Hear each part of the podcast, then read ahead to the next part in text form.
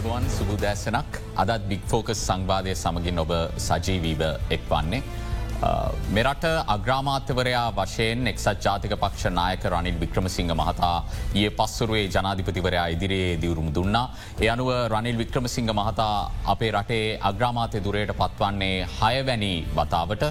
බොහෝ විට අද බික්‍ෆෝකස් සංවාධය අපි වෙන් කරන්නට උත්සාහ කරන්නේ මේ අලුතෙන් නිර්මාණය වෙච්ච දේශපාලන තත්ත්වයක් එක්ක පවතින අර්බුදකාරී වාතාවරණයට විසදුම් සෙවීමට නම් මේ නව ගමන කුමන දිශානතියකට ගමන් කළ යුතුද කියන කාරණය ගැන අවධානය යොමු කරන්න.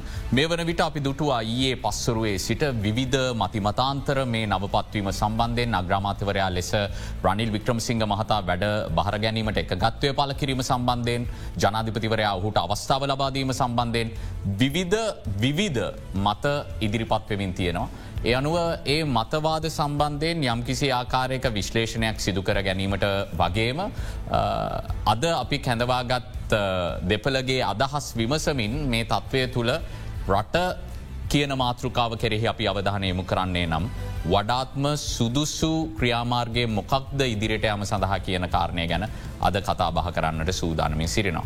මුලින්ම මම පිළිගන්න කැමති නීතිඥ සුදර්ශන ගුණවර්ධන මහත්මාව අයිබුවන් කියලා අයිබ එතුමාව හඳුන්වල දෙද්දී විශේෂම පසුගිය ආණ්ඩුව සමයේ මේ පසුගේ ආණ්ඩුව කියලකිවට වස ආණ්ඩු ගණනාවක් එන්න පුළුවන්ගලට මේ දිනවල තින තත්ත්වත් එක්ක. අපි ජනප්‍රිය වශයෙන් යහපාල ආණ්ඩුව කියලා හඳුන්වන ආණ්ඩුව සමේ. ඉතාම අභියෝගාත්මක කාලයක රටේ ප්‍රෘති අධ්‍යක්ෂ ජනරාල් තනතුර හෙබ වූේ එතුමා.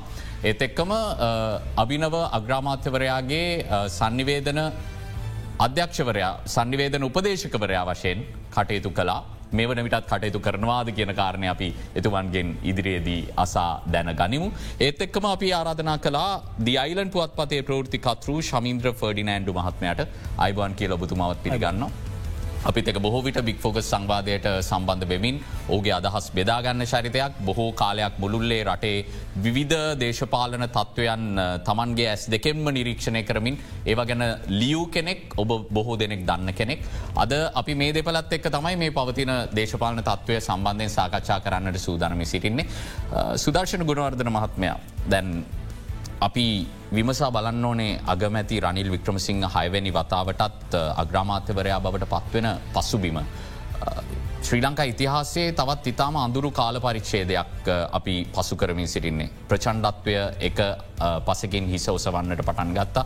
සාමකාමි විරෝධතාවයකට රාජ්‍ය අනුග්‍රහය ලත් පිරිසක් විසින් එල්ල කරන ලද ප්‍රහාරෙන් පසුව තමයි මේ රට ඇවිලෙන ස්වරූපයක් නිර්මාණය වෙනවා අපි දැක්කේ. ඉන් අනතුරු ආණ්ඩුවක් නැතුව දින තුනක් පමණ කාලයක් තිබුණ. විපක්ෂයේ විධ පාශ විධ කොන්දේ ඉදිරිපත් කරමින් සිටින අතරවාරය තමයි වර්තමාන අග්‍රමාත්‍යවරය ඉදිරිපත් වෙලා කියන්නේ දහනමවැනි සංශෝධනයට යනවානම් මං කැමති මේක බාරගන්න ඒ තම ඇතුමාගේ කොන්දේශය වුණේ ඔබ කොමත් දකින්නේ අග්‍රමාත්‍යවරයා විදිර රනිල් වික්‍රමසිංහ මේ වගකීම බහර ගැනීම. ඇත්තවස්සෙන්ම කඳු පළම බොම සුතීමේ අවස්ථාවට අරධන කිරීම ගැන සාම වෙතාමත්ම තිරාත්මක අවස්ථාවක මේ සාකච්ඡාවට පැමිණීම සම්ශේෂම ශමින්ට සමග සාකච්ඡාවට පැමිණීම මගක් සතුරන අවස්ථාවක්. මේ අවස්ථාව ඔබ කිව්වගේම අභියෝගයක් අභියෝගයක් තමයි බාරගෙන තිබෙන්නේ. ඇති ඇත්වසෙන් ජනාධිපත්තුමත් අභියෝගයක් බාරගෙන තියෙනවා පාලිමින්තු එකම අන්ත්‍රී දුරයක් තිබෙන පුද්ගලෙකුට අගමතිවර අවසයෙන් කටුතුකින්ට අරධන කිරීම ගැන ඔහු පස්වරක් ලංකාව අග්‍රාමත් දුරේ දරපු පුද්ගලයා. දෙවනුව ජන රනිවික්‍රමසි අග්‍රාමත්තුමත් ලොක අභියෝකයක් බාරගෙන දෙනවා. මෙවැනි තත්වයක් ඇතේ ආර්ථික ඉතාමත්ම පහස්ථාවකට පත්වලතින් තත්වයක් ඇත ඔබ කිවූ පසුම ඇතතිද මේ දුරේ බාර ගැනීම සම්බන්ධය. මංහෙම කියන්නේ දැන් බෝධනෙක් හිතනව මේ තනතුරු කියනවා ඇත්තර්සෙන්ම ලොකු වරක් ප්‍රසාදයක් කියලා. හැබැයි තනතුරු දරපු කෙනෙක් දන්නවා හරියට කරපුෙනෙක් දන්නවා ඒ ඇත්තවසින් විසාල් අභියෝගයක් මොකද මේ තනතුරු දරන්න කවරු හරි මහජනතාව වෙනුවෙන් භාරයක් වශය මහජන මුදලි නඩත්තු වෙන්නේ. එතුර මහජනයා ඒ විශ්වාසය තබලාය තනතුරක් දුනට පස්සේ ඒ තනතුර මහජනයාගේ සුභස්ත වෙනුවෙන් කර නැත්ත විශාල විනාශයකට ලක්වෙනවා. ඉතින් ඒහින්දා යම් කිසි කෙනෙකුට සාමාන්‍ය කාලක තනතුරක් ගැනීම එච්ච ප්‍රශ්නයක් නෙමේ මහිතන එකට බෝධනෙක් නොන්දු වෙනවා. නමුත් මෙවැනි අභියෝගාත්මක අවස්ථාවක පසුගිය මාසෙක් පමණ කාලයක් තිස්සේ හෝ මාසල වැඩි කාලයක් තිස්සේ. මේ තරම් උද්ඝෝෂණ පවතිද්දී මේ අභියෝගේ භාරගැනීමට කිසි කෙනෙක් ඉදිරිපත් වනේ නෑ. බොහලාවට කොන්දේසි දාලා තිබුණ නමුත් කොන්දේසි දැමීම නෙමේ මේ අවස්ථාය කළ යුත්තේ. ඉදිරිපත් වෙලා ඊළඟට එතනින් හට යම සඳහා අවශ්‍ය සාකච්ඡාව කිරීමති ම හිතන්නේ මේ අවස්ථාවද වෙලා තියෙන්නේ කවුරුත් කල්යල් බලමින් අනාගතයේ මේක බාරගන්න මං වැරදු නොති මට මොකක්ද වෙන්නේ මගේ අනාගතයට මොකක්දනික හිතපු අවස්ථාවක කෙලින්ම මම මේක බාරගෙන කරන්න කියලා අභියෝග බාර ගැනීම අවස්ථාව. සුදර්ශන ගුණවර්තන මහත්ම දැන් අනිවාරෙන්ම රනිල් වික්‍රම සිංහ මහත්මයත් ඔය විදිටම හිතන් නෝනනේ එතුමා ඉතාම අත්දැකීම් සහිත දේශපාලන චරිතයක් විදියට අපේ රටේ මේ තත්ත්වය ඉතාම අභියෝගාත්මකයි. අර්බුදකාරී. එතුමාගේ හිතපු විදිිය ගැන අපි අවධානයම කරද්දි. ඔබතුමා හිතනවද එතුමාට දැඩි විශ්වාසයක් තිබුණ නිසා මේ අර්බුදකාරී අවස්ථාවෙන් රට ගොඩගන්න පුළුවන් කියල මේ තනතුර බාරගත්තා කියලා. නැත්නම් එතුමාට තවත් නැතිවෙන්නට දෙයක් නැහැ. මේකත් කරලා බලන්නවා කියන අදහසින් මේ තනතුර භාරගත්තය. ඇතසම අපි දන්න හැතුමගේ උළු වැඩකර කොහොමද කියන එක නමුත් මට එකද පැත්තකින් කියන්න පුළුවන් දැන් එකක්ම කලින් රජය යටතේ ප්‍රධාරක වසේ නික්‍රිය කලති ම දේශපාලක වසේ නිම ක්‍රිය කලති ඉන් පස්සේ ම ඉලට ගට පස ම සාමාන පුරුවසේ කොස කටතු කරේ නීතිජවර සිච්චවරක් වසේ මගේ නීතික ෘතිය ඒදමින් තමයි තාමත් ඉන්නේ. මම එතට දැන් මේක දිහ බලන්න එලි ඉදලන මේක දිහ බලන්න. කියන්නේ දැන් එතකොට මම තුමා පහුගේ කාලේ කරපු මාධ්‍ය සහ නිකුත් අවස්ථාවල කර දිරිපත් කිරීම මාස්ටෙන් තමයි මට විග්‍රහ කරන්න පුළුවන් වෙන්නේ. ඒ අනුව දැන් ඇත්තම ගත්තින් මේක මගල්ලන්න බලුවන් අවස්ථාවක් තමයි මොකද හේතුව ජනතාව විසින් එතුමාව පාලිමිතුර ඇවේ නෑ දස් දහනම් විසිල් මැතිවරණදී.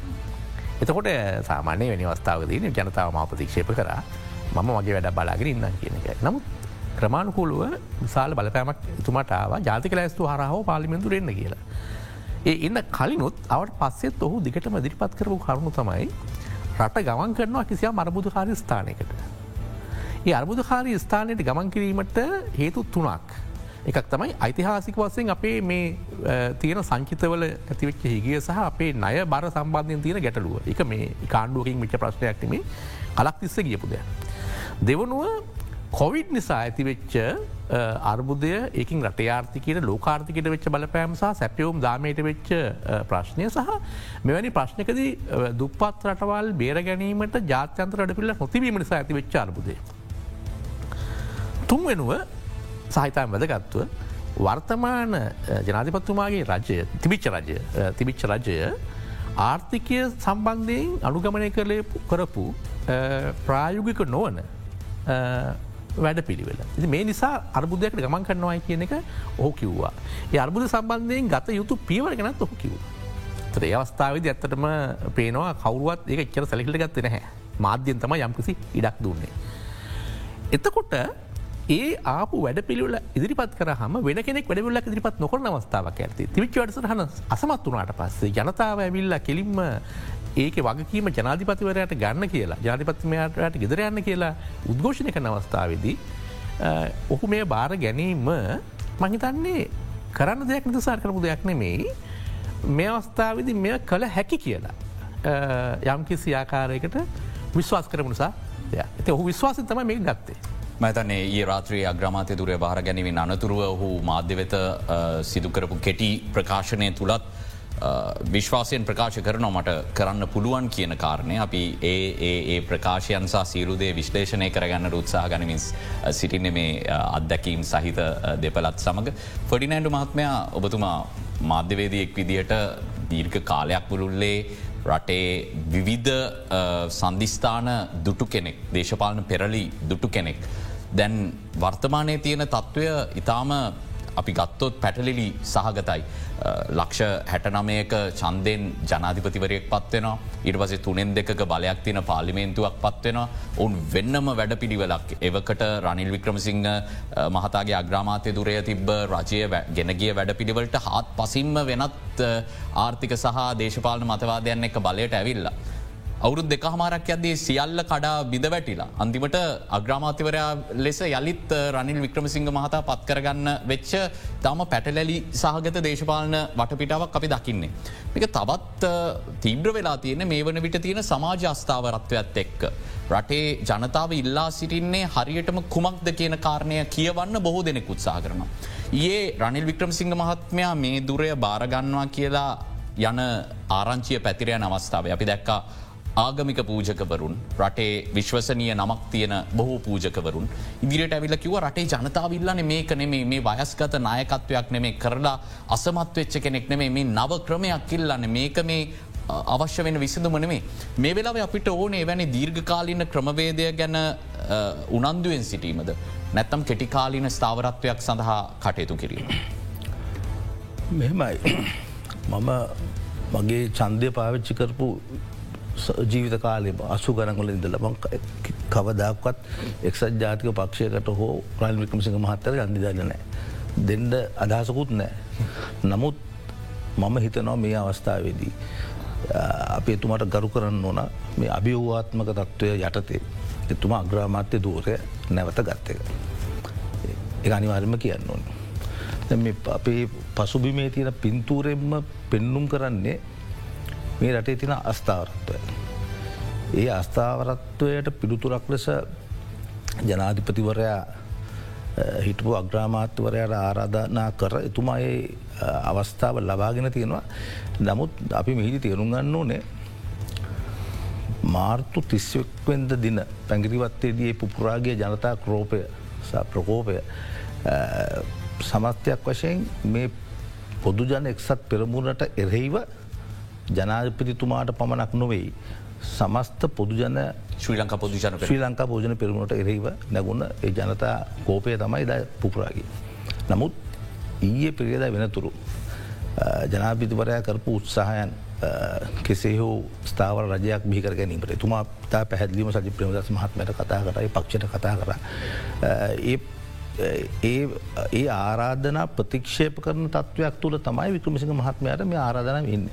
අපි දැන් එතන තමයි නැවතිල තියන්නේ. දැන්ගේ වගකීම එතුම භාරගන තියෙනවා. එතුමගේ පත්වීමත් සමගම චීනය ඇමරිකාව ඉන්දයා වෙන ප්‍රධාන රටවල් තුනම එතුමා සම්බන්ධය විශ්වාසය පල කරලා තියෙනවා. එක බ්ලොකු දෙයක්. අද තුමා බැලුවනං රුපියලේ අගේ අපි දිකටම නැගලා අපි අද තුන්සේ හැට පහක මතන ඒ තුන්සිය අනුව තුන්සේ අනුවට ගේ අද තුන්සේ හැට පයි ඉතින් මහිතන යම් කිසි විශ්වාසයක් ජාත්‍යන්තර ප්‍රජාව සහ රටේ මිනිස්සු අතර බික්‍රමසිංහ මහත්මයාග ඇති.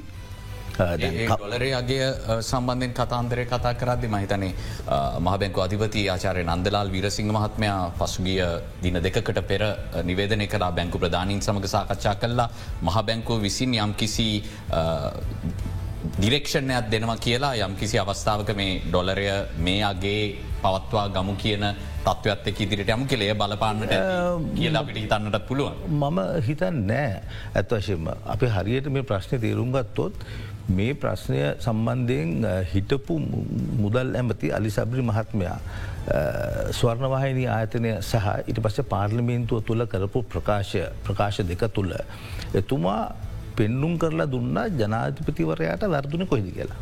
මේ ජනාධවිතුමාට ඉතාම හිතවත් එතුමා සම තාම කිටුවෙන් කතුතු කරන සබ්‍රි මහත්මය පෙන්ල දුන කොතන වැරදුන එතුමා එතුමාගේ ආර්ථික උපදේශකයන් මහ බැංකු අධිපතිවරුන් කටයුතු කරපු ආකාරය ගැන නං සඳහන් නොකළත් තනතුරු වලින් පෙන්නල දුන්න. එවැනි තත්ත්වයක් තුළ මහ බැංකුව අසාර්ථක වනානේ පැහැදිලි මහබැකුව අසාර්ථ දැන් ආචාර්ය විජයවාදන මහත්මය කියන්නේ රුපේල පාකරන්න තිබුණේ දෙදස් විසියකේ අප්‍රඩ් මාසිකල්. තැන් වසරක් මේක කල් මරලා මේක සම්පූර්ණයෙන්ම වරද්දල මේ රට සම්පූර්ණයෙන්ම පිතාම බැහනක තත්ත්වයට පත්කට පස්සේ. මහිතන්නේ කිසිම කෙනෙක්ට මේ විකල්පයක් නෑ වගේම ජනාධිපතිතුමා ලක්ෂ හැටනමයක් ජනතාවගේ විශ්වාසය දිනාගත්තේ එතුමත් අතින් පැහැදිලි වැරදි කීපයක් උනා කියනක කියන්න ඕන. එක නොකිය තේරු මකුත් නෑ මේ පින්තූරය පෙන්ඩන පසුමේ තින පින්තූරේ එතුමන්ගේ ලේකම් වශයෙන් ගාමනි සැනත් මහත්මය පත්වෙන්නෙම එය ඒ කණ්ඩෑම ඇතුළත් කණ්ඩෑම රට තුළ ක්‍රියාත්මක කරපු මේ පොහොක ඇතිකරපු පොහොර අර්බුදය තුළ තමයි පිටපු ලේකම්තුවා පිවි ජයසුන්දර මහත් වැඩ ආචාරය තුමට යන්න සිදුවන. මේ රටේ වෙච්ච සියලු දෙන සියලු වැරද්දටම පිවි ජයසුන්ද වැරදිදිගෙන ප්‍රශ්ටත් තුර නැගෙනවා. නමුත් අග්‍රාමාත්‍ය ලේකම්වරය වශයෙන් සිටි සරනත් මහත්මයාව මෙතැන්ට ගෙනම මේ ආණ්ඩුව යම්කිසි කාලයක් තුළ මහිතන අවුරුද්දක් වගේ කාලයක් තුළ මේ තනතුරු මාරු කරමින් දාන් ලෑල්ලක දාම් ලෑල්ලක ස්ථාවරත්වය මේ ප්‍රතිපත්තිය තුළ ඇතිකරපු ස්ථාරත්වයට මේ රටේ මිනිස්සුට තවදුරටත් දුක්විනින්න දෙන්න බෑ දැන් වික්‍රමසිංහ මහත්මයාගේ ඇතින් යාපාලන කාල තුළ හෝ එතුමාට ඊට පෙරකරපු යම්කිසි පෙරවැරදි ඇති මීරටේ පෙරවැරදි නැති දේශපාලන පක්ෂසා පුද්ගලොන එහෙනම් අපිට සම්පූර්ණයෙන් අලුතැන් ගේන්න වෙන. මොකද මේ රටේ මිනිස්සුන්ම විනාස කරපු දේශපාලන ක්‍රමයක් තමයි ශ්‍රී ලංකා බෝජන පෙරුණ ඇතුළු මේ සියල්ලුම පක්ෂ සියලුම පක්ෂ.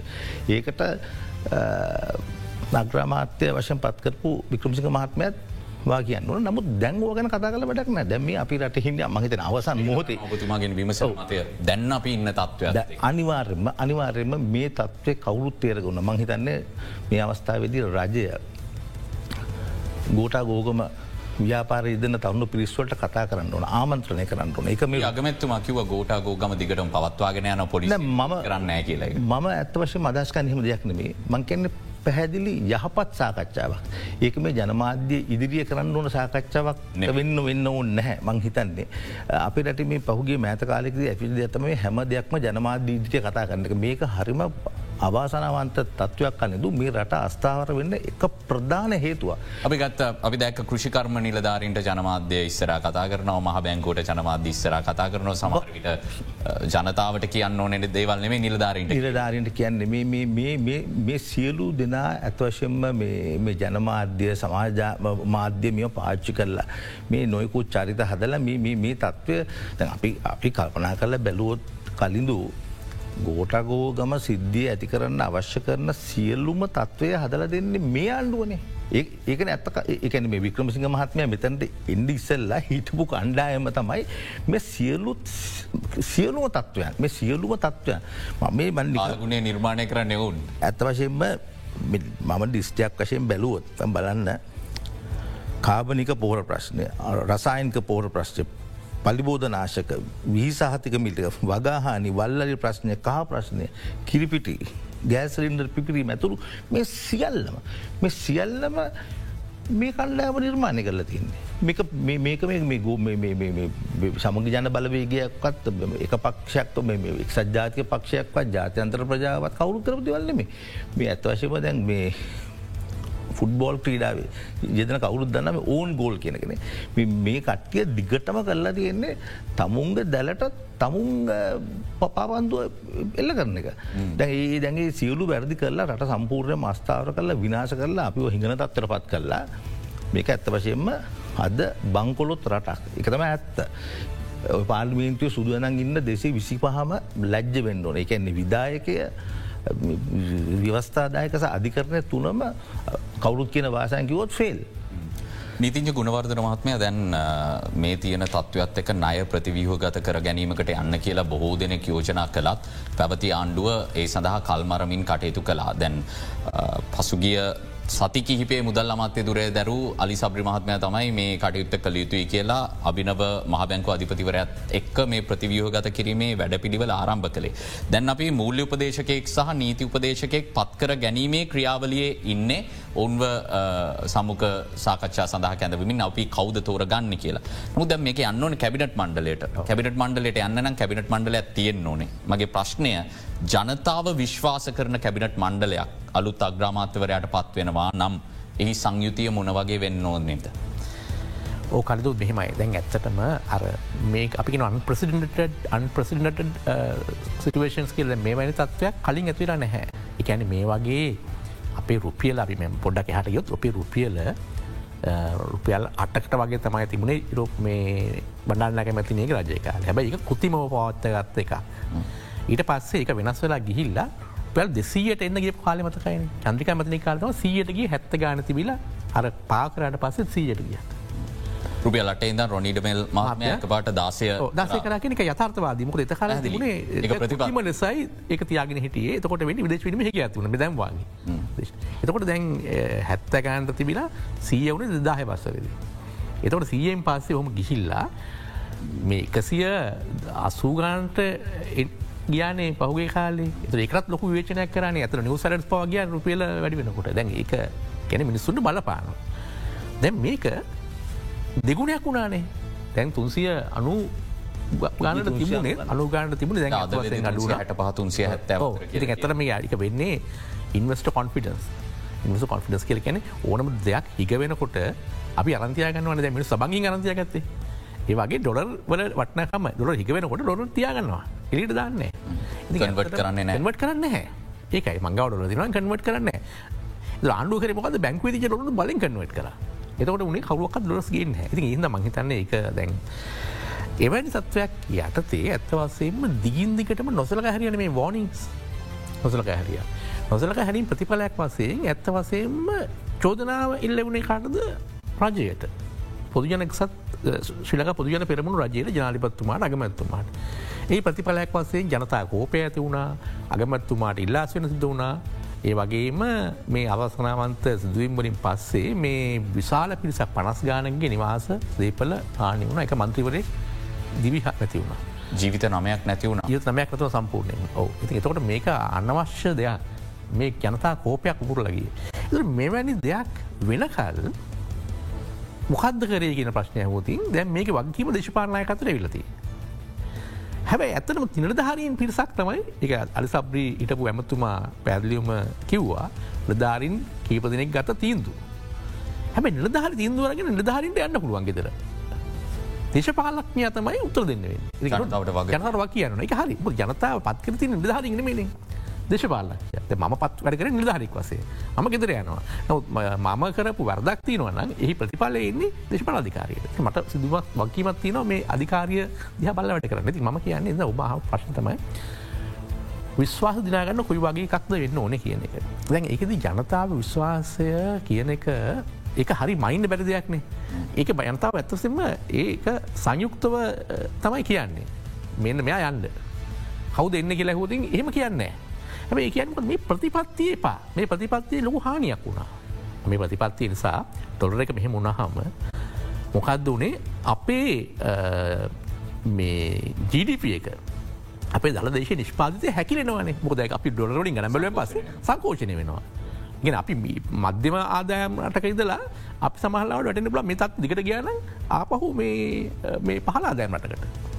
මගේ අපේ සේවාවන් බිඳ වැටනවා. අපේ ජීවන් තත්වේ බිඳ වැටනවා. අපි මේ කතා කරන අවස්ථාවන විටත් ඒ සිදුවමින් පවති අයිපත් අනි ගන්න ඕනේ. ඕ එත ජනතාවගේ කෝපය එන්නේ ජනතාවට තේරෙන මොනවාර දෙයක් නිසා අපේ ජීවන මට්ටම වැටලා. ඊට මදිවට අපට අත්‍යවශ්‍ය බාණ්ඩනෑ අපට ගෑස්ටික නෑ. අපට තෙල් නැහැ. අපට විදුලිය නැහැ. ඉතින් එතකොට මිනිස්සු මේ අවුදු ගානක් මුක්තිරින්දපු ජීවන් තත්ේ බැටන කොට හේතුවක් නැත්තන් ඒ කෝපෙල්ල වෙන එක සාධාරණය කෝපෙල්ල වෙන එක.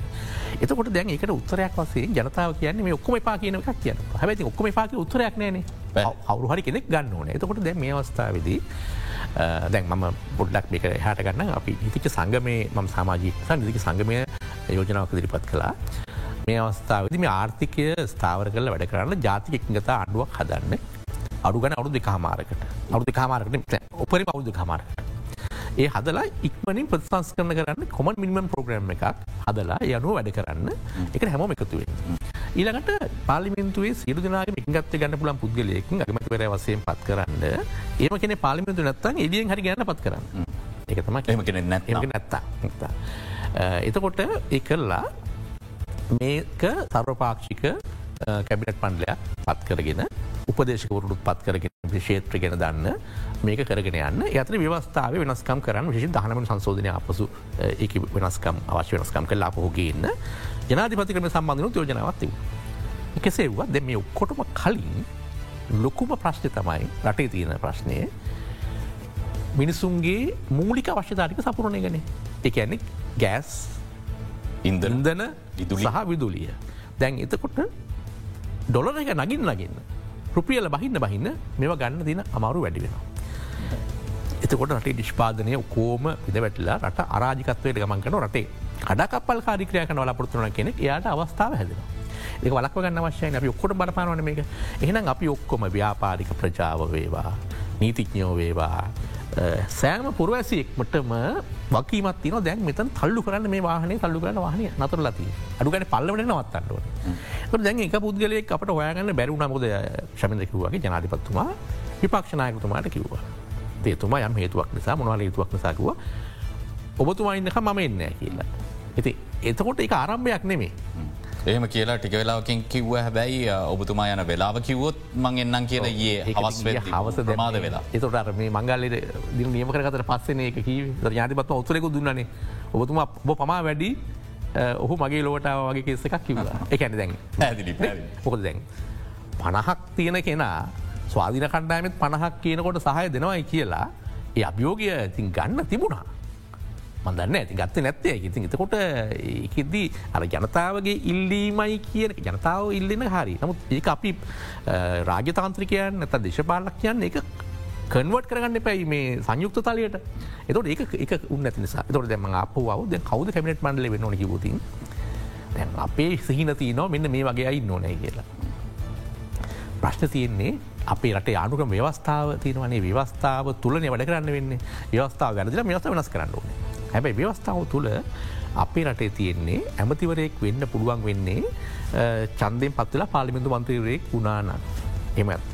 ඉති ඒ පත්වෙච්ච කෙනෙක් අය අතරින්තම ගන්න වෙන ගැන මේ ඉන්න පාලිමින්තු ඉන්න අතර ගන්න වෙන්න. ති වඩා සුදුසුමදේ තමයි හැම් පක්ෂයක්ම හරි ජගපතිකෙන පත් වනා එකගතාවය තුඩ හෝ විදි හරි ජාතිපත් මහත මයට බෞතරයක් ගන්න පුළුවන්. සහ මේ අවස්ථාව මේ ගොඩ දාන්න පුලුවන් බෞතරයක් කරන්න න්න ගොඩ දාන්න වෙන්න අප ලා තවටි කලින් දැන් හැව පක්ෂම මංහිතන්නේ මේ අවස්ථාවේද සිල්දුවේ වල් පැත්තකින් තියලා හැව පක්ෂම. මං කියන කාවත් අයින් කරනතුව හැමෝම එකතු වෙලා නම් කරලා තුදුසුවය නම් කරල එවූතින් එව නිවස්ථාව ඉතාම ස්ථාවර භාවයක් ඇතිවෙන මේක තනි පක්ෂකට කරන්න පන්දයන්නෙමේ මේක තනි කණ්ඩෑම කරන්න පන්දයන්නෙමේ ඔටි මංහිතන්නේ මට නං කියන්න බෑ. නමුත් හම පක්ෂම තමන්ගේ පැත්තිෙන් කිවූතින් මෙම යානි පත්තුම කියරතිවනේ සම කියන බලවයකටත් ඔබේ පක්ෂෙන් නම් තෙනවන දෙන්න කියලා.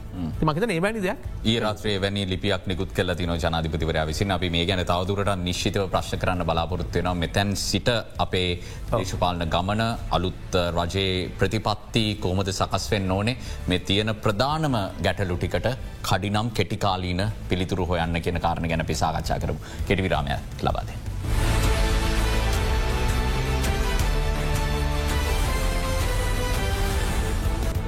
යළිත් බික් ෆෝකස් සමගින් ශමින්ත්‍ර ෆර්ඩිනෑන්ඩු මහත්මයා දැන් සජිත් ප්‍රේමදාස මහත්මයට විපක්ෂනායකවරයා ලෙස ජනාධිපතිවරයා ආරාධනා කළත් අන්තර්කාලි ආණ්ඩුවක් පිටුවන්න කියලා ඔහුගේ කොන්දේසිවලට එකඟ නොවීම මත හෝ වෙනත් හේතුවක් නිසා හුට ඒ අවස්ථාව මගහැරියන.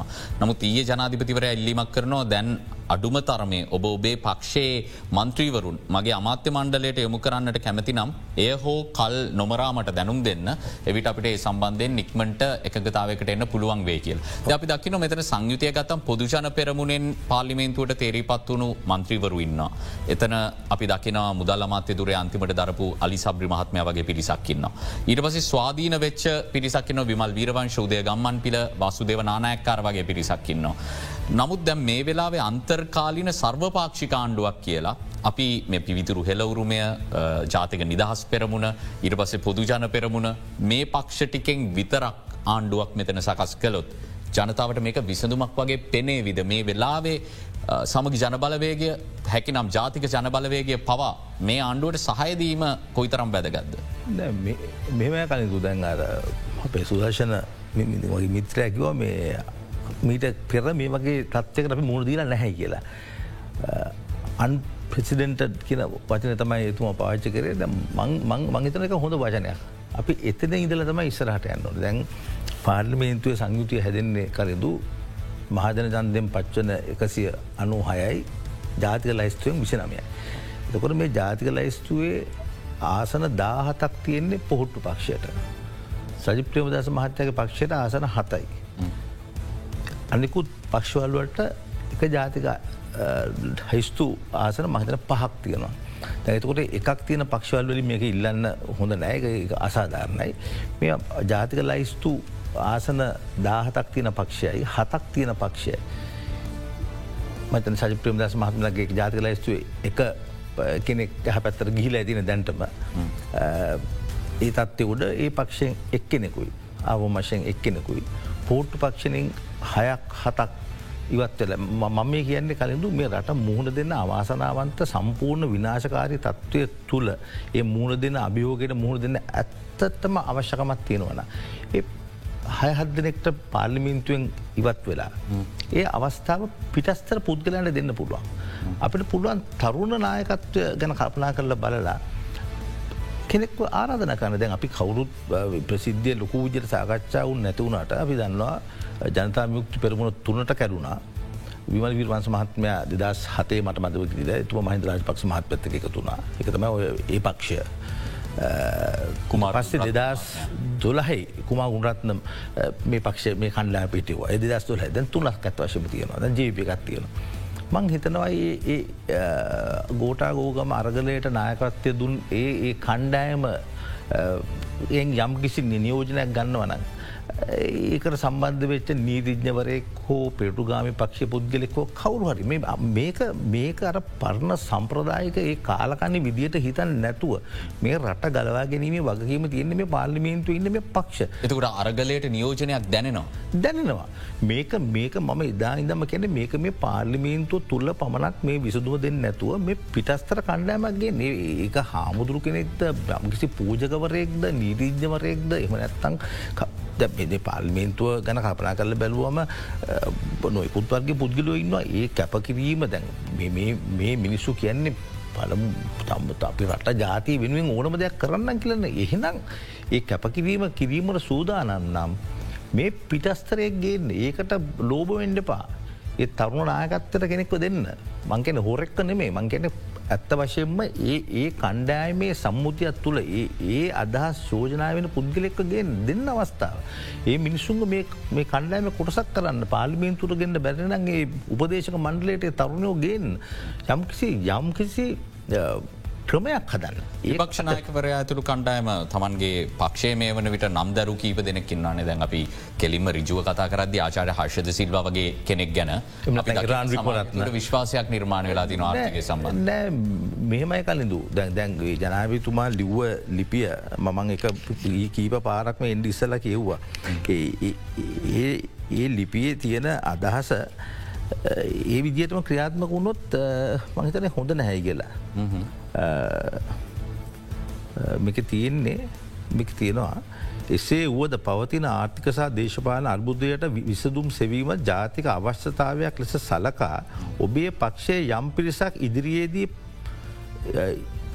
ඉදිරිපත් කිරීමට නියවතනම් කැබිනට මන්ඩලෙට් දැදැම් මේ වෙතන ප්‍රශ්න වෙන්නේ මේ සමග ජන බලවයගෙන් කණ්ඩායමක් කඩාගෙන අපි ආපවයන්න පන්න ක්‍රමයට. මං කියන්නේ මේ සමගි ජන බලවේගේ කාගවත් මන්ත්‍රීවරුම නං සඳහන් කැමති නෑ කණ්ඩායමක්ම හොරකං කරගෙන මේ පැත්තට අරගෙන මේ වැඩේ කරන්න ගියොත් මේක අසාර්ථකය කලබු. මේක මේක දැන් ඇත් වශයෙන්ම සර්ව පාක්ෂික අන්තර්කාලීන ජාතික ඒකාබද්ධතා රජයක් කිවත් සර්වපාක්ෂික අන්තර්කාලීන රජයක් කිවත් මේ සියලු පක්ෂවල සිටින මේ අර්බුධකාරි වාතාවරණය තුළ විසඳුම් සොයන්නට තරම් ශක්්‍යතාවයක් තියෙන චරිතටික එක තැනකට මතුවීම නෙමෙයිද මේ ඒක අවශ්‍යයි. හොඳයි නමුත් ඒකත් එකඟතාවයකින් වෙන්න ඕනේ. ඒක සජිප ප්‍රමදස මහතයාවත් තනි කරලා. එතුමා අසාර්ථක කියල පෙන්න්නට දෙන ඒ උත්ස හැකරොත් කඩන ගේම මේක ඒක කලින්දු මේ රටට වැරදුන එතනය. දැන් අපිට දැන් අපි මම පෝට්ට පාශී මම දෙදස් දහනමේදී දෙදස් විශ්සේදී අපි චන්ති ප්‍රකාශ කර. මෙතුමා මෙතුමගේ පක්ෂයට ප්‍රකාශ කර. දැන් අපි දන්නවා අපි අපි අපි විශ්වාසය පලකරපු නායකත්වය සම්පූර්ණයම මේ රට මහා අගාධයකට පත් කරල මහිතන පටන්ගන්න ඕන තමුන් කොහරද චන්ද දැම තමුන් කොහෙද හිතගත්ත කියන එක? මම කිසි සාක්ෂය ප්‍රශ්න අනිවාර්යම මම හිටපු තැන ඉවත්වෙන අවශ්‍යමක්න නමුත් අපේ නායකත්වයට වගකීමත් තියනවා. ලැජ්ජාවත් තියෙනවන දැන්වත් මේ සුමනස් වෙන්න ඕන. දැන් සමග ජන බලවේගේ මේකෙන් කඩල එතනි විස්සත්තියක් කරම් මෙතන මේ ඔළුගඩි සෙල්ලම කරලනම් මේ මිනිසු මේක ආය කරන්න යන මේ අනිවාර්යෙන් කඩාවැටන මං හිතන්නේ මේ වගරට තමුන්ගේ වගකීම තීරුම් අරගෙන දෙයියන්ගේ නාවට මං කතෝලිකකින්ද මං එහෙම කියන්නේ. එක් තමුන්ගේ ආගම විජිත ඕනෑ මාකාරයකට මේ වික්‍රමසිංහ මහත්මයට අවස්ථාවත් දෙන්න සුදුසු කැවිනට්ටුවත් තෝරගන්න. එතුමත් වා කියන්න ඕන. එතුම එතුමගේ හිත මිත්‍ර අදින් හිතුවට ඕන කණ්ඩෑම කදන කරන මේ මම කියන්නේ.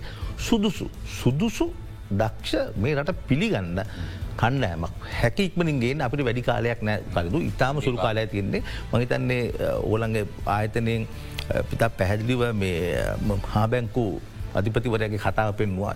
ඒ සිංහල තේරණ මතන හතරවෙනි පන්තියට පහට හයටගේ ඕනම කෙනෙක්ේ බැලුවනං එතුමා කිව්ව කතාව සති දෙකයි. උඹලා මේක කරන්නත්ත මම මෙතන යනවයි චන්ඩත්වය නම් දවස්තුනක්වත් බෑකිවත. මේක මේක මේක කලින්දු මේ රට ලැබෙන මහිතන්න අවසං අවස්ථාව. අපි නොයකුත් පරීක්ෂණ කර ඒ පරික්ෂණ සියල් අසාර්ථකයන්ද ඔබතුමා කල්පනා කල බලන්න. ඇයි බික්‍රමසිංහ මහත්මට ගෝටාවේ රාජපක්ෂ මැතිතුමා සමඟ එකට වැඩ කරන්න බැරි. වික්‍රමසිංහ මහත්තය දෙදස් දහයිද හිතුවා ජවිප එකයි තියෙන් එක එක එකතු වෙලා සරත් වන්සක මහත්‍යය ජනාධපත කරන්න පුළන් කියලා. එතකොට ඒ අවස්ථාව සමුජත්ති වුණ ඉතුම තෝරගත්තා එතුම හිතුවා ඒක පුළුවන් කියල ඒක බැරෝ ගිය. ඉට පස්ස ශ්‍රී ලංකා නිදස් පක්ෂ මහලකම් තුමාව බැහ පැත්තරගෙනල එතුමම ඉදිරිපත් කරයි. එතුමා දෙන්න. ඊට පස්සේ යම් කිසි අඩු පවඩු වැරදි වුණ මංගෝගෙන කතාගන දැන් කැමතින දැ මං කියන්නේ. මේ ඉතුරු කාරය මේ ඉතුරු සති දෙක තුන්න තුළ මේ අවශ්‍ය කරන ස්ථාවරත්වය දෙන්න පුළුවන්නම්. ඉන්දියාව චීනය ඇමරිකාවේ සහෝගේ අපිට ලැබෙනවනං. අපේ මිනිස්සු ඒ කැපකිරීම කරන්න සූදානන් නං. විශේෂෙන්ම මේ තරුණ ප්‍රජාව මේ පාට බැස්ස තරුණ ප්‍රජාව ඉල්ලන දේ මේ මිනිස්සුන්ට ඇත්ත තත්ව කියනවන්න. විශේෂ මට අවසං වශයෙන් කියන්න ඕනා මේ මිනිස්සු කවුරු බලය හිටියත් විපක්ෂය හිටියත් මේ මාධ්‍ය මේ හුම් සමාජ මාධ්‍ය දාලා හරා පමණක් මේ සෙල්ලම මේ විජර කරන්න බැහිකල ඔබතුමට යළිත් හදහස් විමසීමක් සඳහා ඔබතුමාලකට එන්නම්. දැන් විශේෂ මෙතුමා කියපු කාරණ ඉතාම් වැදගත්. මේ දිනවල ඇහෙන විවේචන මේ අලුත් තත්වය සම්බන්ධයෙන් තියෙන විවේචන අපිට ස්වයං විදිහට විශ්ලේෂණය කරගන්න මේ කතාබහ ඇතුළේ ඔබට යම්කිසි උපකාරයක් ගන්න පුළුවන් වේ කියලා විශ්වාස කන මේ දෙදස් දහය දෙදස් පහලවේ මේ පිරිස එකතු වෙලා විධ දේශපාලන අරමුණුවලට කටයුතු කර විදි ආකාරය එතුම විශ්ලේෂණය කර. සුදර්ශන ගුණවර්ධන මහත්මද අපේ රටේ දේශපාලකින්ගේ ස්ථාවරයන් අර කාලගුණේ වගේ කොච්චරික්මට වෙනස් වෙනවාද කියන්නේ.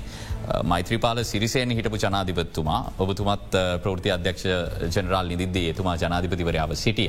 දහනම වන සංශෝධනය කෙරෙහි විශාල බලාපොරොත්තුවක් හැදවා වේදිකාවෙදි තමන්ගේ. ඉරවස දිනසීය පත්වෙලා දිනසී ඇතුළෙදේ දහනමය සම්මත කරන්නට කටයුතු කර. ඉර්වස අවසාන කාලය වෙදිකුව මේ ඉත්තාමාසාර්ථකයි මේකත් එක කිසිම් විදිියකට රටකට යන්න බෑ මම දිනසීය දැක්කෙත් නෑ එහෙම කියල කිව. ටවස පොදුජන පෙරමුණේ පාර්ශව වේදිකාවේ දැඩි ලෙස දහනමය විවේශනය කර දහනම ඇත්තෙක් කිසි ලෙසකින් ඉදිරිට යන්නට හැකියාවක් නැතිවේ වස්සා සංශෝධනයක් කියලා. දැම් මෛත්‍රපාල සිරිසේන මහත්මයම දහනමය යළිගේන්න කියල යෝජනා කරන අපි දැක්ක. නමුත් මේක යථාර්ථය දකිද්දී මේක නිර්මාණය කරන්න මූලික වෙච්ච ජනාධිපති නීතිඥ ජයපති වික්‍රමරත්න මහත්මය පවා යම් අවස්සාාවක පාලිමෙන්තුව කියන මේ අඩුපාඩු තියෙනවා. මේකේ තාක්ෂණික අඩුබාඩු නිවැරදි කරගත යුතු මේ අතුගා දැමිය යුතු නෑ කියල. තැ මේ තියෙන අලුත්තත්වේ තව අයි දහනමට යන්න හදන්න ඔබ කොහොමද මේක කියවන්න. ගෝකරතු මේ මහිතන අර ආපම අවධාරණය කරන්න කැමති ප්‍රමුඛ අවශ්‍යතාවය තියෙන්නේ ජන ජීවිතය අතත්තර පත් කරන එක. එකැනේ ආර්ථික අර්බුද්ධයකින් දේශපාලන අර්බුදයක් ඇති වුණේ. එතර දේශපාන අර්බුද්ධයට විතරක් උත්තර හොයන්න ගෑනන් අපි ඔක්කොම නවත්තලා බෝධන එක කියන හතට වෙන්න අට පය බරවායට පිටිකර බෙහෙත් බැඳ වගේ ප්‍රශ්නයක් කියෙන්. හැම විලිගන්න නොට ආර්ථිකාර්බුදයක් ඇති වෙන්න මේ දේශපානවසේ වගවීමක් නැතිවීම වල පැව එක කාටවත් වගේ කියන්න දාරි තන්ත්‍රයකට පුළුවන් ගුණාන අවුද් දෙකමාර රටපාලනය කරන්න. චන්දය පත්තු නියෝගිතය මොකද කරේ. එකට කරන තිබුණ දෙහින ලොක ප්‍රශ්නයක් වනේ අන්න ඒකයි දහනමගෙන කතා වෙන්නේ. එතකොට දැන් එතන කාරණයක් දහනමයෙන් කියවෙන සාරයක් තියෙනවනේ දහනමේ දින වචනනෙම ඒ සාරය ඒ සාරයෙන් තමයි මොකද කිවේ. අපේ තියෙන්නේ විදායක ජනාධිපති දුරය සහිත ආණ්ඩුවක් කියන ජනාධිපතිවර චන්දයෙන් පත්වන ජනතාවගෙන් යාජවද මත්ව මේ ගෙනාවේ. ඒ ගෙන හේතුනේ ඒකට විච්ච කලින් විච්ච ආණ්ඩු ක්‍රමේත විච්ච අඩු පාඩු නිසා. එකත් අප පිළිගන්න එප එකන්නේ ස්තව රජයක් ගන්න බෑ. ඩ ඩියසනක මහත්මය අවුදු තුනයි ඩල්සනක් මහත්තය අවුරුද්ධයි ඕම ඉතාම එකන බඩ්ඩිසරනයක මහත්ම හැට පහත්තව අවුතු පහ සපුන කළ තිතකල් හැම අගමතිවරකට දුරකාල සපුරන හම්බුන්නේ හැත්තෑව හැත්ත හති අවුරුද් දෙකක් දික් කර. ඇතවශයෙන්ම මේ එකක් එකතුගන්න කැමති මේ ප්‍රංජිකුමසිංහ මහත්මයා හයිවිනිස් මරට දිවුරුන් දෙනවයි කියන එකෙම්ම පිළිබිමු වෙන්නේ මේ රට කොච්චක ප්‍රමාණකට අස්ථාවත රටක් කියන එකයි. ඒකනේ. එතකට දැන් එහින්දා මේ එවැනි ගැටුවක් හැබ ඒ ඒක ප්‍රශ්නයක් තිබ ජනාධිපති ක්‍රමය තියෙනවා. එකට මුණ දෙන්න ඉස්රහැන් ඉන්නේ පර්ලිමෙන්තුවයි අධිකරණයයි ස්වාධීන ජනමාන්තය මේ තුන ජයජවත් මහත්මය කතාවක මෙක් කියනවා. මේ විදායකතින් දැඩි බලය මේච්චල් කරන්න පුළුවන් වෙන්නේ සංවර්ණසා දුරන හදන නම් අර තුනම චෙකන් බැලන්සස් ව්‍යවස්ථදායක අධිකරණය සහ ජනමාධ්‍ය ජනමාධ්‍යවලට අති විශාල වක්කීමත් තියෙන. ඒක අපට හිතාගන්න බැහැකි තින බලය. එතකොට මේක උනාට මේ විදායකය වක්කීමක් නැතිවෙන්නේ ඒ ව්‍යවස්ථාය ප්‍රශ්නයන් නෙමේ අපේ දේශපාන සංස්කෘති ප්‍රශ්නයක් නිසා එක තම ශමින්ද්‍ර කිවකටම සම්පූර්ණ එංගයි එකැන මේ මේ ගේම් ගහලා මේ වැඩේ කරන්න ගෝතින් මේ වැඩ සාර්ථක වෙනකට ම සම්පූර්ණ පිළිගන්න අපි අවංක සම්මුතියක් හදන්න ඕන. ගේ පාල ට වගමත්මක ලිච්චවි සම්ප්‍රදාය ඇති කරන්න ඕන කියලා. ලිච්චවි සම්ප්‍රදාය වගේ දෙයක් හදන්නවශම අවංක වෙන්න අවංක දැ මං මෙතන කතා කරලා එලියට ගිහිල්ලා නෑ අපි මෙහම ගේමක් ගහමු කියලා කියනවන මේ අවංකමා වෙන. එතකොට ඒ අපි මේ දහනමේවත් මේ වස්ථාවතේ ප්‍රශ්තිය ප්‍රශ්ති අපි දේශපාන සංස්කෘති ප්‍රශ්නතිය ඒ කියන්නේ මොකක්ද මහජනයා ගැන තින අවක්ඥාව මහජනයා මෝඩිය වසන් සල කරනවා. කැමරා ඉස්සර හැවිල්ලා බොරු කියනවා කාටත් තේරන දැන් ඔබ ස්රහල බොරු කියනකට ම බොරුවක් කියනන කල වට තේරන ඔබට තේරන ශමිද තේන මේක බොරුණ කියන්නේ කියලා. හැමහට අපි මේ මයික ගල පස්සේ කතාගෙන එහෙම තමයි ඒක තමයි කියලා. මෙන්න මේ සංස්කෘතිය ඇති කරන්න ඕනේ. මිනිසුන් තේරවා. ජනතාව දන්න බොරු කියනකට. ද මගේ තනතු දර්දිම කවදාවත් මට වක්කීම ගන්න පෙරදය ම කිවෙන ම කියවද ම වෙනුවෙන් පෙන හිටිය. ඒ මොකද ජනතාවට බොරු කියල මේ කරන ජනතාවත් සෑහන දැනුවත් භාවකන්නේ. ඉති මක්නන්නේ දේශපාන සංස්කෘතිය තුළ තමයි උත්තරතිය දහනාමයවත් මේ ව්‍යවස්ථාවත් නෙමේ හැබැයි දහනමින් සාරය තමයි ගත්ත වසෙන්ම මේ සියලු පක්ෂ පාලනයට හවුල් කර ගැනීම. එක ආණ්ඩුක ව්‍යවස්ථා මණ්ඩලය හරහා ආණ්ඩු පක්ෂ විපක්ෂය අගමැතිවර විපක්ෂණයක එකට වැඩ කරනවා සුළු පක්ෂවලට අවස්ථාවක් තියෙනවා සිවිල් සමාජයට අවස්ථාවක් තියන මෙන්න මේ මේ ආකෘතිය යම්කිසි දෙයක් තියනොද කෙනෙ ජනාධිපතිවරයට අර කේන්ද්‍රිය බලතලටික පාලිමේ පාලිමෙන්තුවට හදාගන්න ගෙන එක. ඕ ඒක ඉතින් ඒ කිසිව දෙයක් සාර්ථක වෙන්න හැ අවක අවංග චේතනාව සහ අපි පිළිගන්න ඕනේ මහජනතම ඇත්ත අයිතිකරු මහජනය වෙන බාරකාරත්වයෙන් අප ඉන්න කියලා. තින් සර චමිතක කරන්නට විනිතුවක් කියනද මත් සම්පූර්ණය පිළිගන්න චමඳකපුදේ දැම් මේක බලගත්ත කියලවෙල්ලා කවරුහරි වටන්න බලාගෙන මේක කරන්න ඕන. හවහරි පරද්දන්නේ බලන්න ඕනේ. හැම දෙනාම එකතු කරගන්න. එකති ම කියන විපක්ෂණයකතුම වටන්න මේ ක්‍රිය කරන්න හොඳන මගේ පුද්ලි අදහස.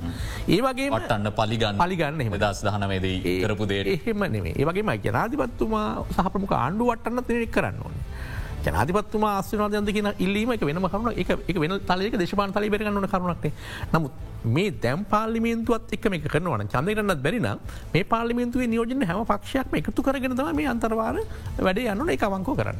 පැහදිලි. අපට කෙටිවිරාමයක් ලබාද නික්මනින්ම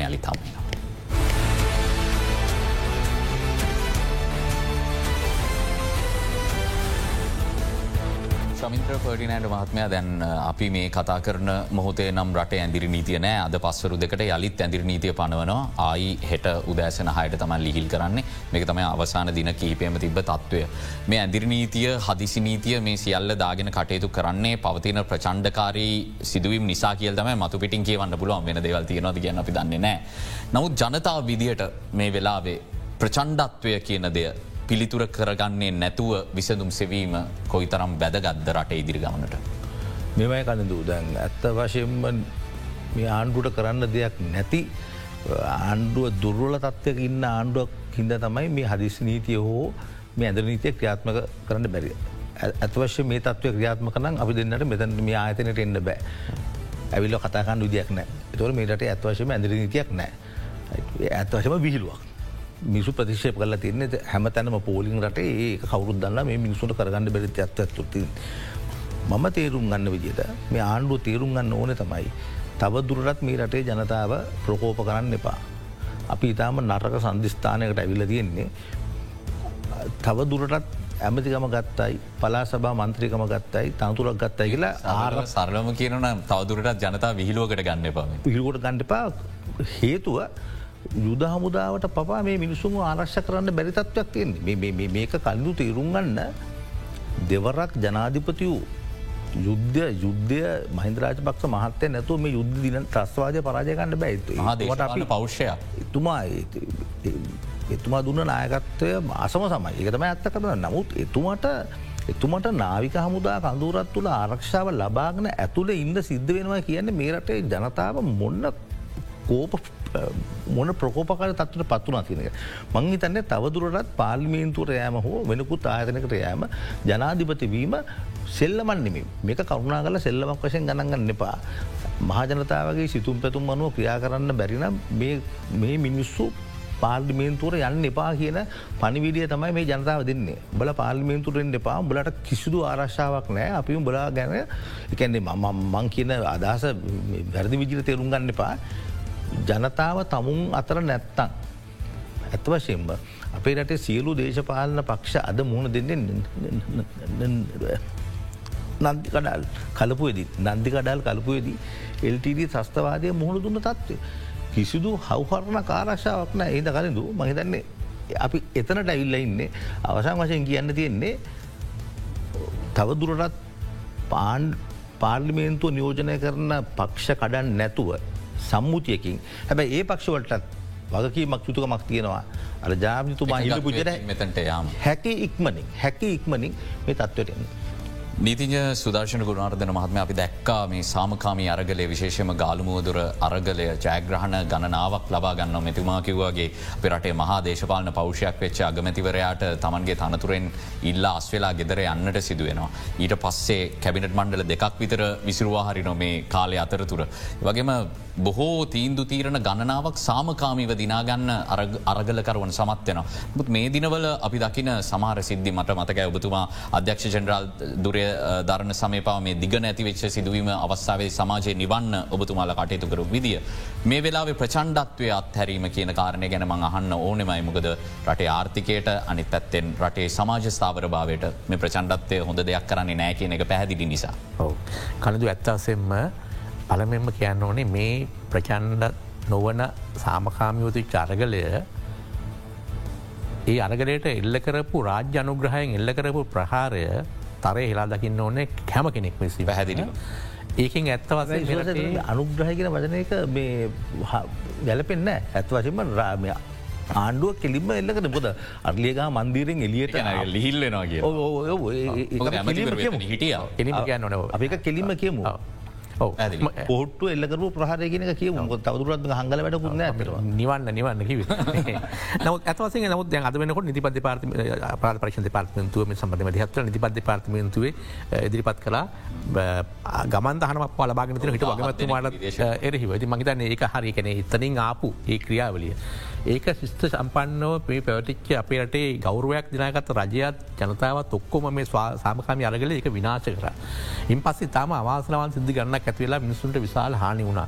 ඇති ඒ හින්ද ඒ තත්වට යන්න එපා හැබයි යන්න පා කියලා කිවටන යන්න එපාගෙන කඩිෂන හදන්න ඕන ඉති මාධ්‍යයට ලොකවකීමත්තින ඇත්වසෙන් දිග අවස්ථාවද ම මාධ්‍යත්ක තාම කිමි වැඩකර හැම මාධ්‍ය ප්‍රධානිකම කතා කල හැමගම සහය ලැබුණ එක කරන්න එනිසා අපි එකතු වෙලා අවස්ථාවක් ගනිමු. එක මේ පුද්ගලෙක් වෙනුවෙන් කරන දෙයක් නෙමේ රට වෙනුවෙන් කරන දෙයක්.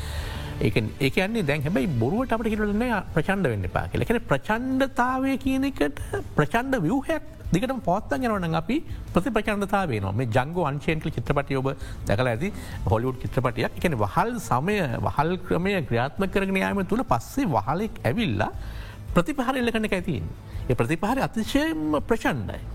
ඒ ප්‍රචන්නත ඇති උනේ අර සංස්ථාපිත ප්‍රචන්නත්වය කලක් පවත්වගෙන යාමට ඉතා එක හොඳට පෙන්න්නනවා. ඉනිසා මම කියන්නේ මම ඉතාම කවුරුවෙන් ඉල්ලනවා. ම හිතනවා මේ මේ මහජනයගේ සාමකාමී අරගලයෙන් විශාල වෙනස් කර ලංකාව වුණ. ඒක මිනායක වෙනතු කරපු දෙයක්. ඒක සම්ප්‍රදායක දෙයක් මේ තරුණයන්ගේ දෙයක්. අපිකට ගරු කරන්න ඕනෑ. ඒකෙන් ලොකු වෙනස්කං ඇති වෙලා තින ඉබරනෑ මේක. ඇති වෙන්න ඕනේ. අලුත් විදිට මේ හිතන්න ඕනේ. එවයි ඒක ප්‍රචන්්ඩත්වයට ගමන් කරන්න එපා කියන එල්ලීම මට කරන්න අවශ්‍යයි. ඒ වගේ මේකට උල්පන්දන් දෙන්න එපා කියලා මාධ්‍ය සමාජ මාධ්‍යයට කියන්න ඕන. ඒ වගේම තමයි ඒ අය ප්‍රචන්ඩත්වට තල්ලු කන විදිට ක්‍රියා කරන්න එපා. රජය රජයේ ආයතන හැමෝම සානු කම්පිකබා නගමතුමා කිව්වා මේ ඇත්තික සාකච්ච කරන්න ම ලැස්ති කියලා. ඒ අය ගන්න ඕන මේ විහ ඇතුරට කියලායි මං කියන්න. අපි බොහෝදේ කතා කරන්න සමත් වනා මේ අපි ලැබිල තියෙන කෙටි වේලා ඇතුළේ තාව බොහෝදේ තියෙන කතා කරනවා නම්. නමුත් කාලවෙලා හරස් වෙන නිසා අදට අපි සංවාධය අවසන් කරන්න ඕන. ඉදිරියේද අපි වැඩි වශයෙන් සංවාධ කළ යුතු කාලසීමාවක් එලබෙන්නේ මොකද? මේ අලුතෙන් තියෙන තත්ත්වය සමහරවිට ඔබට ප්‍රශ්න ඇති තනිව නිරාකරණය කරගන්නට බැරි අපිට වැනි බොහෝ ප්‍රශ්න තියෙනවා. එනිසා සමාජය තුළ රටේ දියුණුව අපිට ඕනෙ ක්‍රමය ගැන සංවාධ ඇති කරගෙන බොහම සාමකාමිව ඒ අරමුණු වෙත යාමට ඉතාම සුදුසු කාලසීමාවක් නිර්මාණය වෙලා තියනවා. අර්බුදය විසින් අපිට නිර්මාණය කරලා දීලා තියෙනවා. එනිසා ප්‍රචන්්ඩත්වය වෙනුවට සාමකාමිත්වය මාර්ගය තෝරාගෙන අපි අරමුණුවලට යමු කියන යෝජනාව අපිත් ඔබට කරන්නට කැමති. දෙවින්ම සූතිවන්තය ඔබ දෙපලටම අද අපේ ආරාධනාව පිළිගත්තාට ඒවගේම ඔබේ වටින අදහස්වලට අපි අදට බික් ෆෝකස් සංවාධයෙන් සමුගෙන යනවා හෙටත් සුපුරුදු වෙලාවට හමුවමු සුපදිනයක්.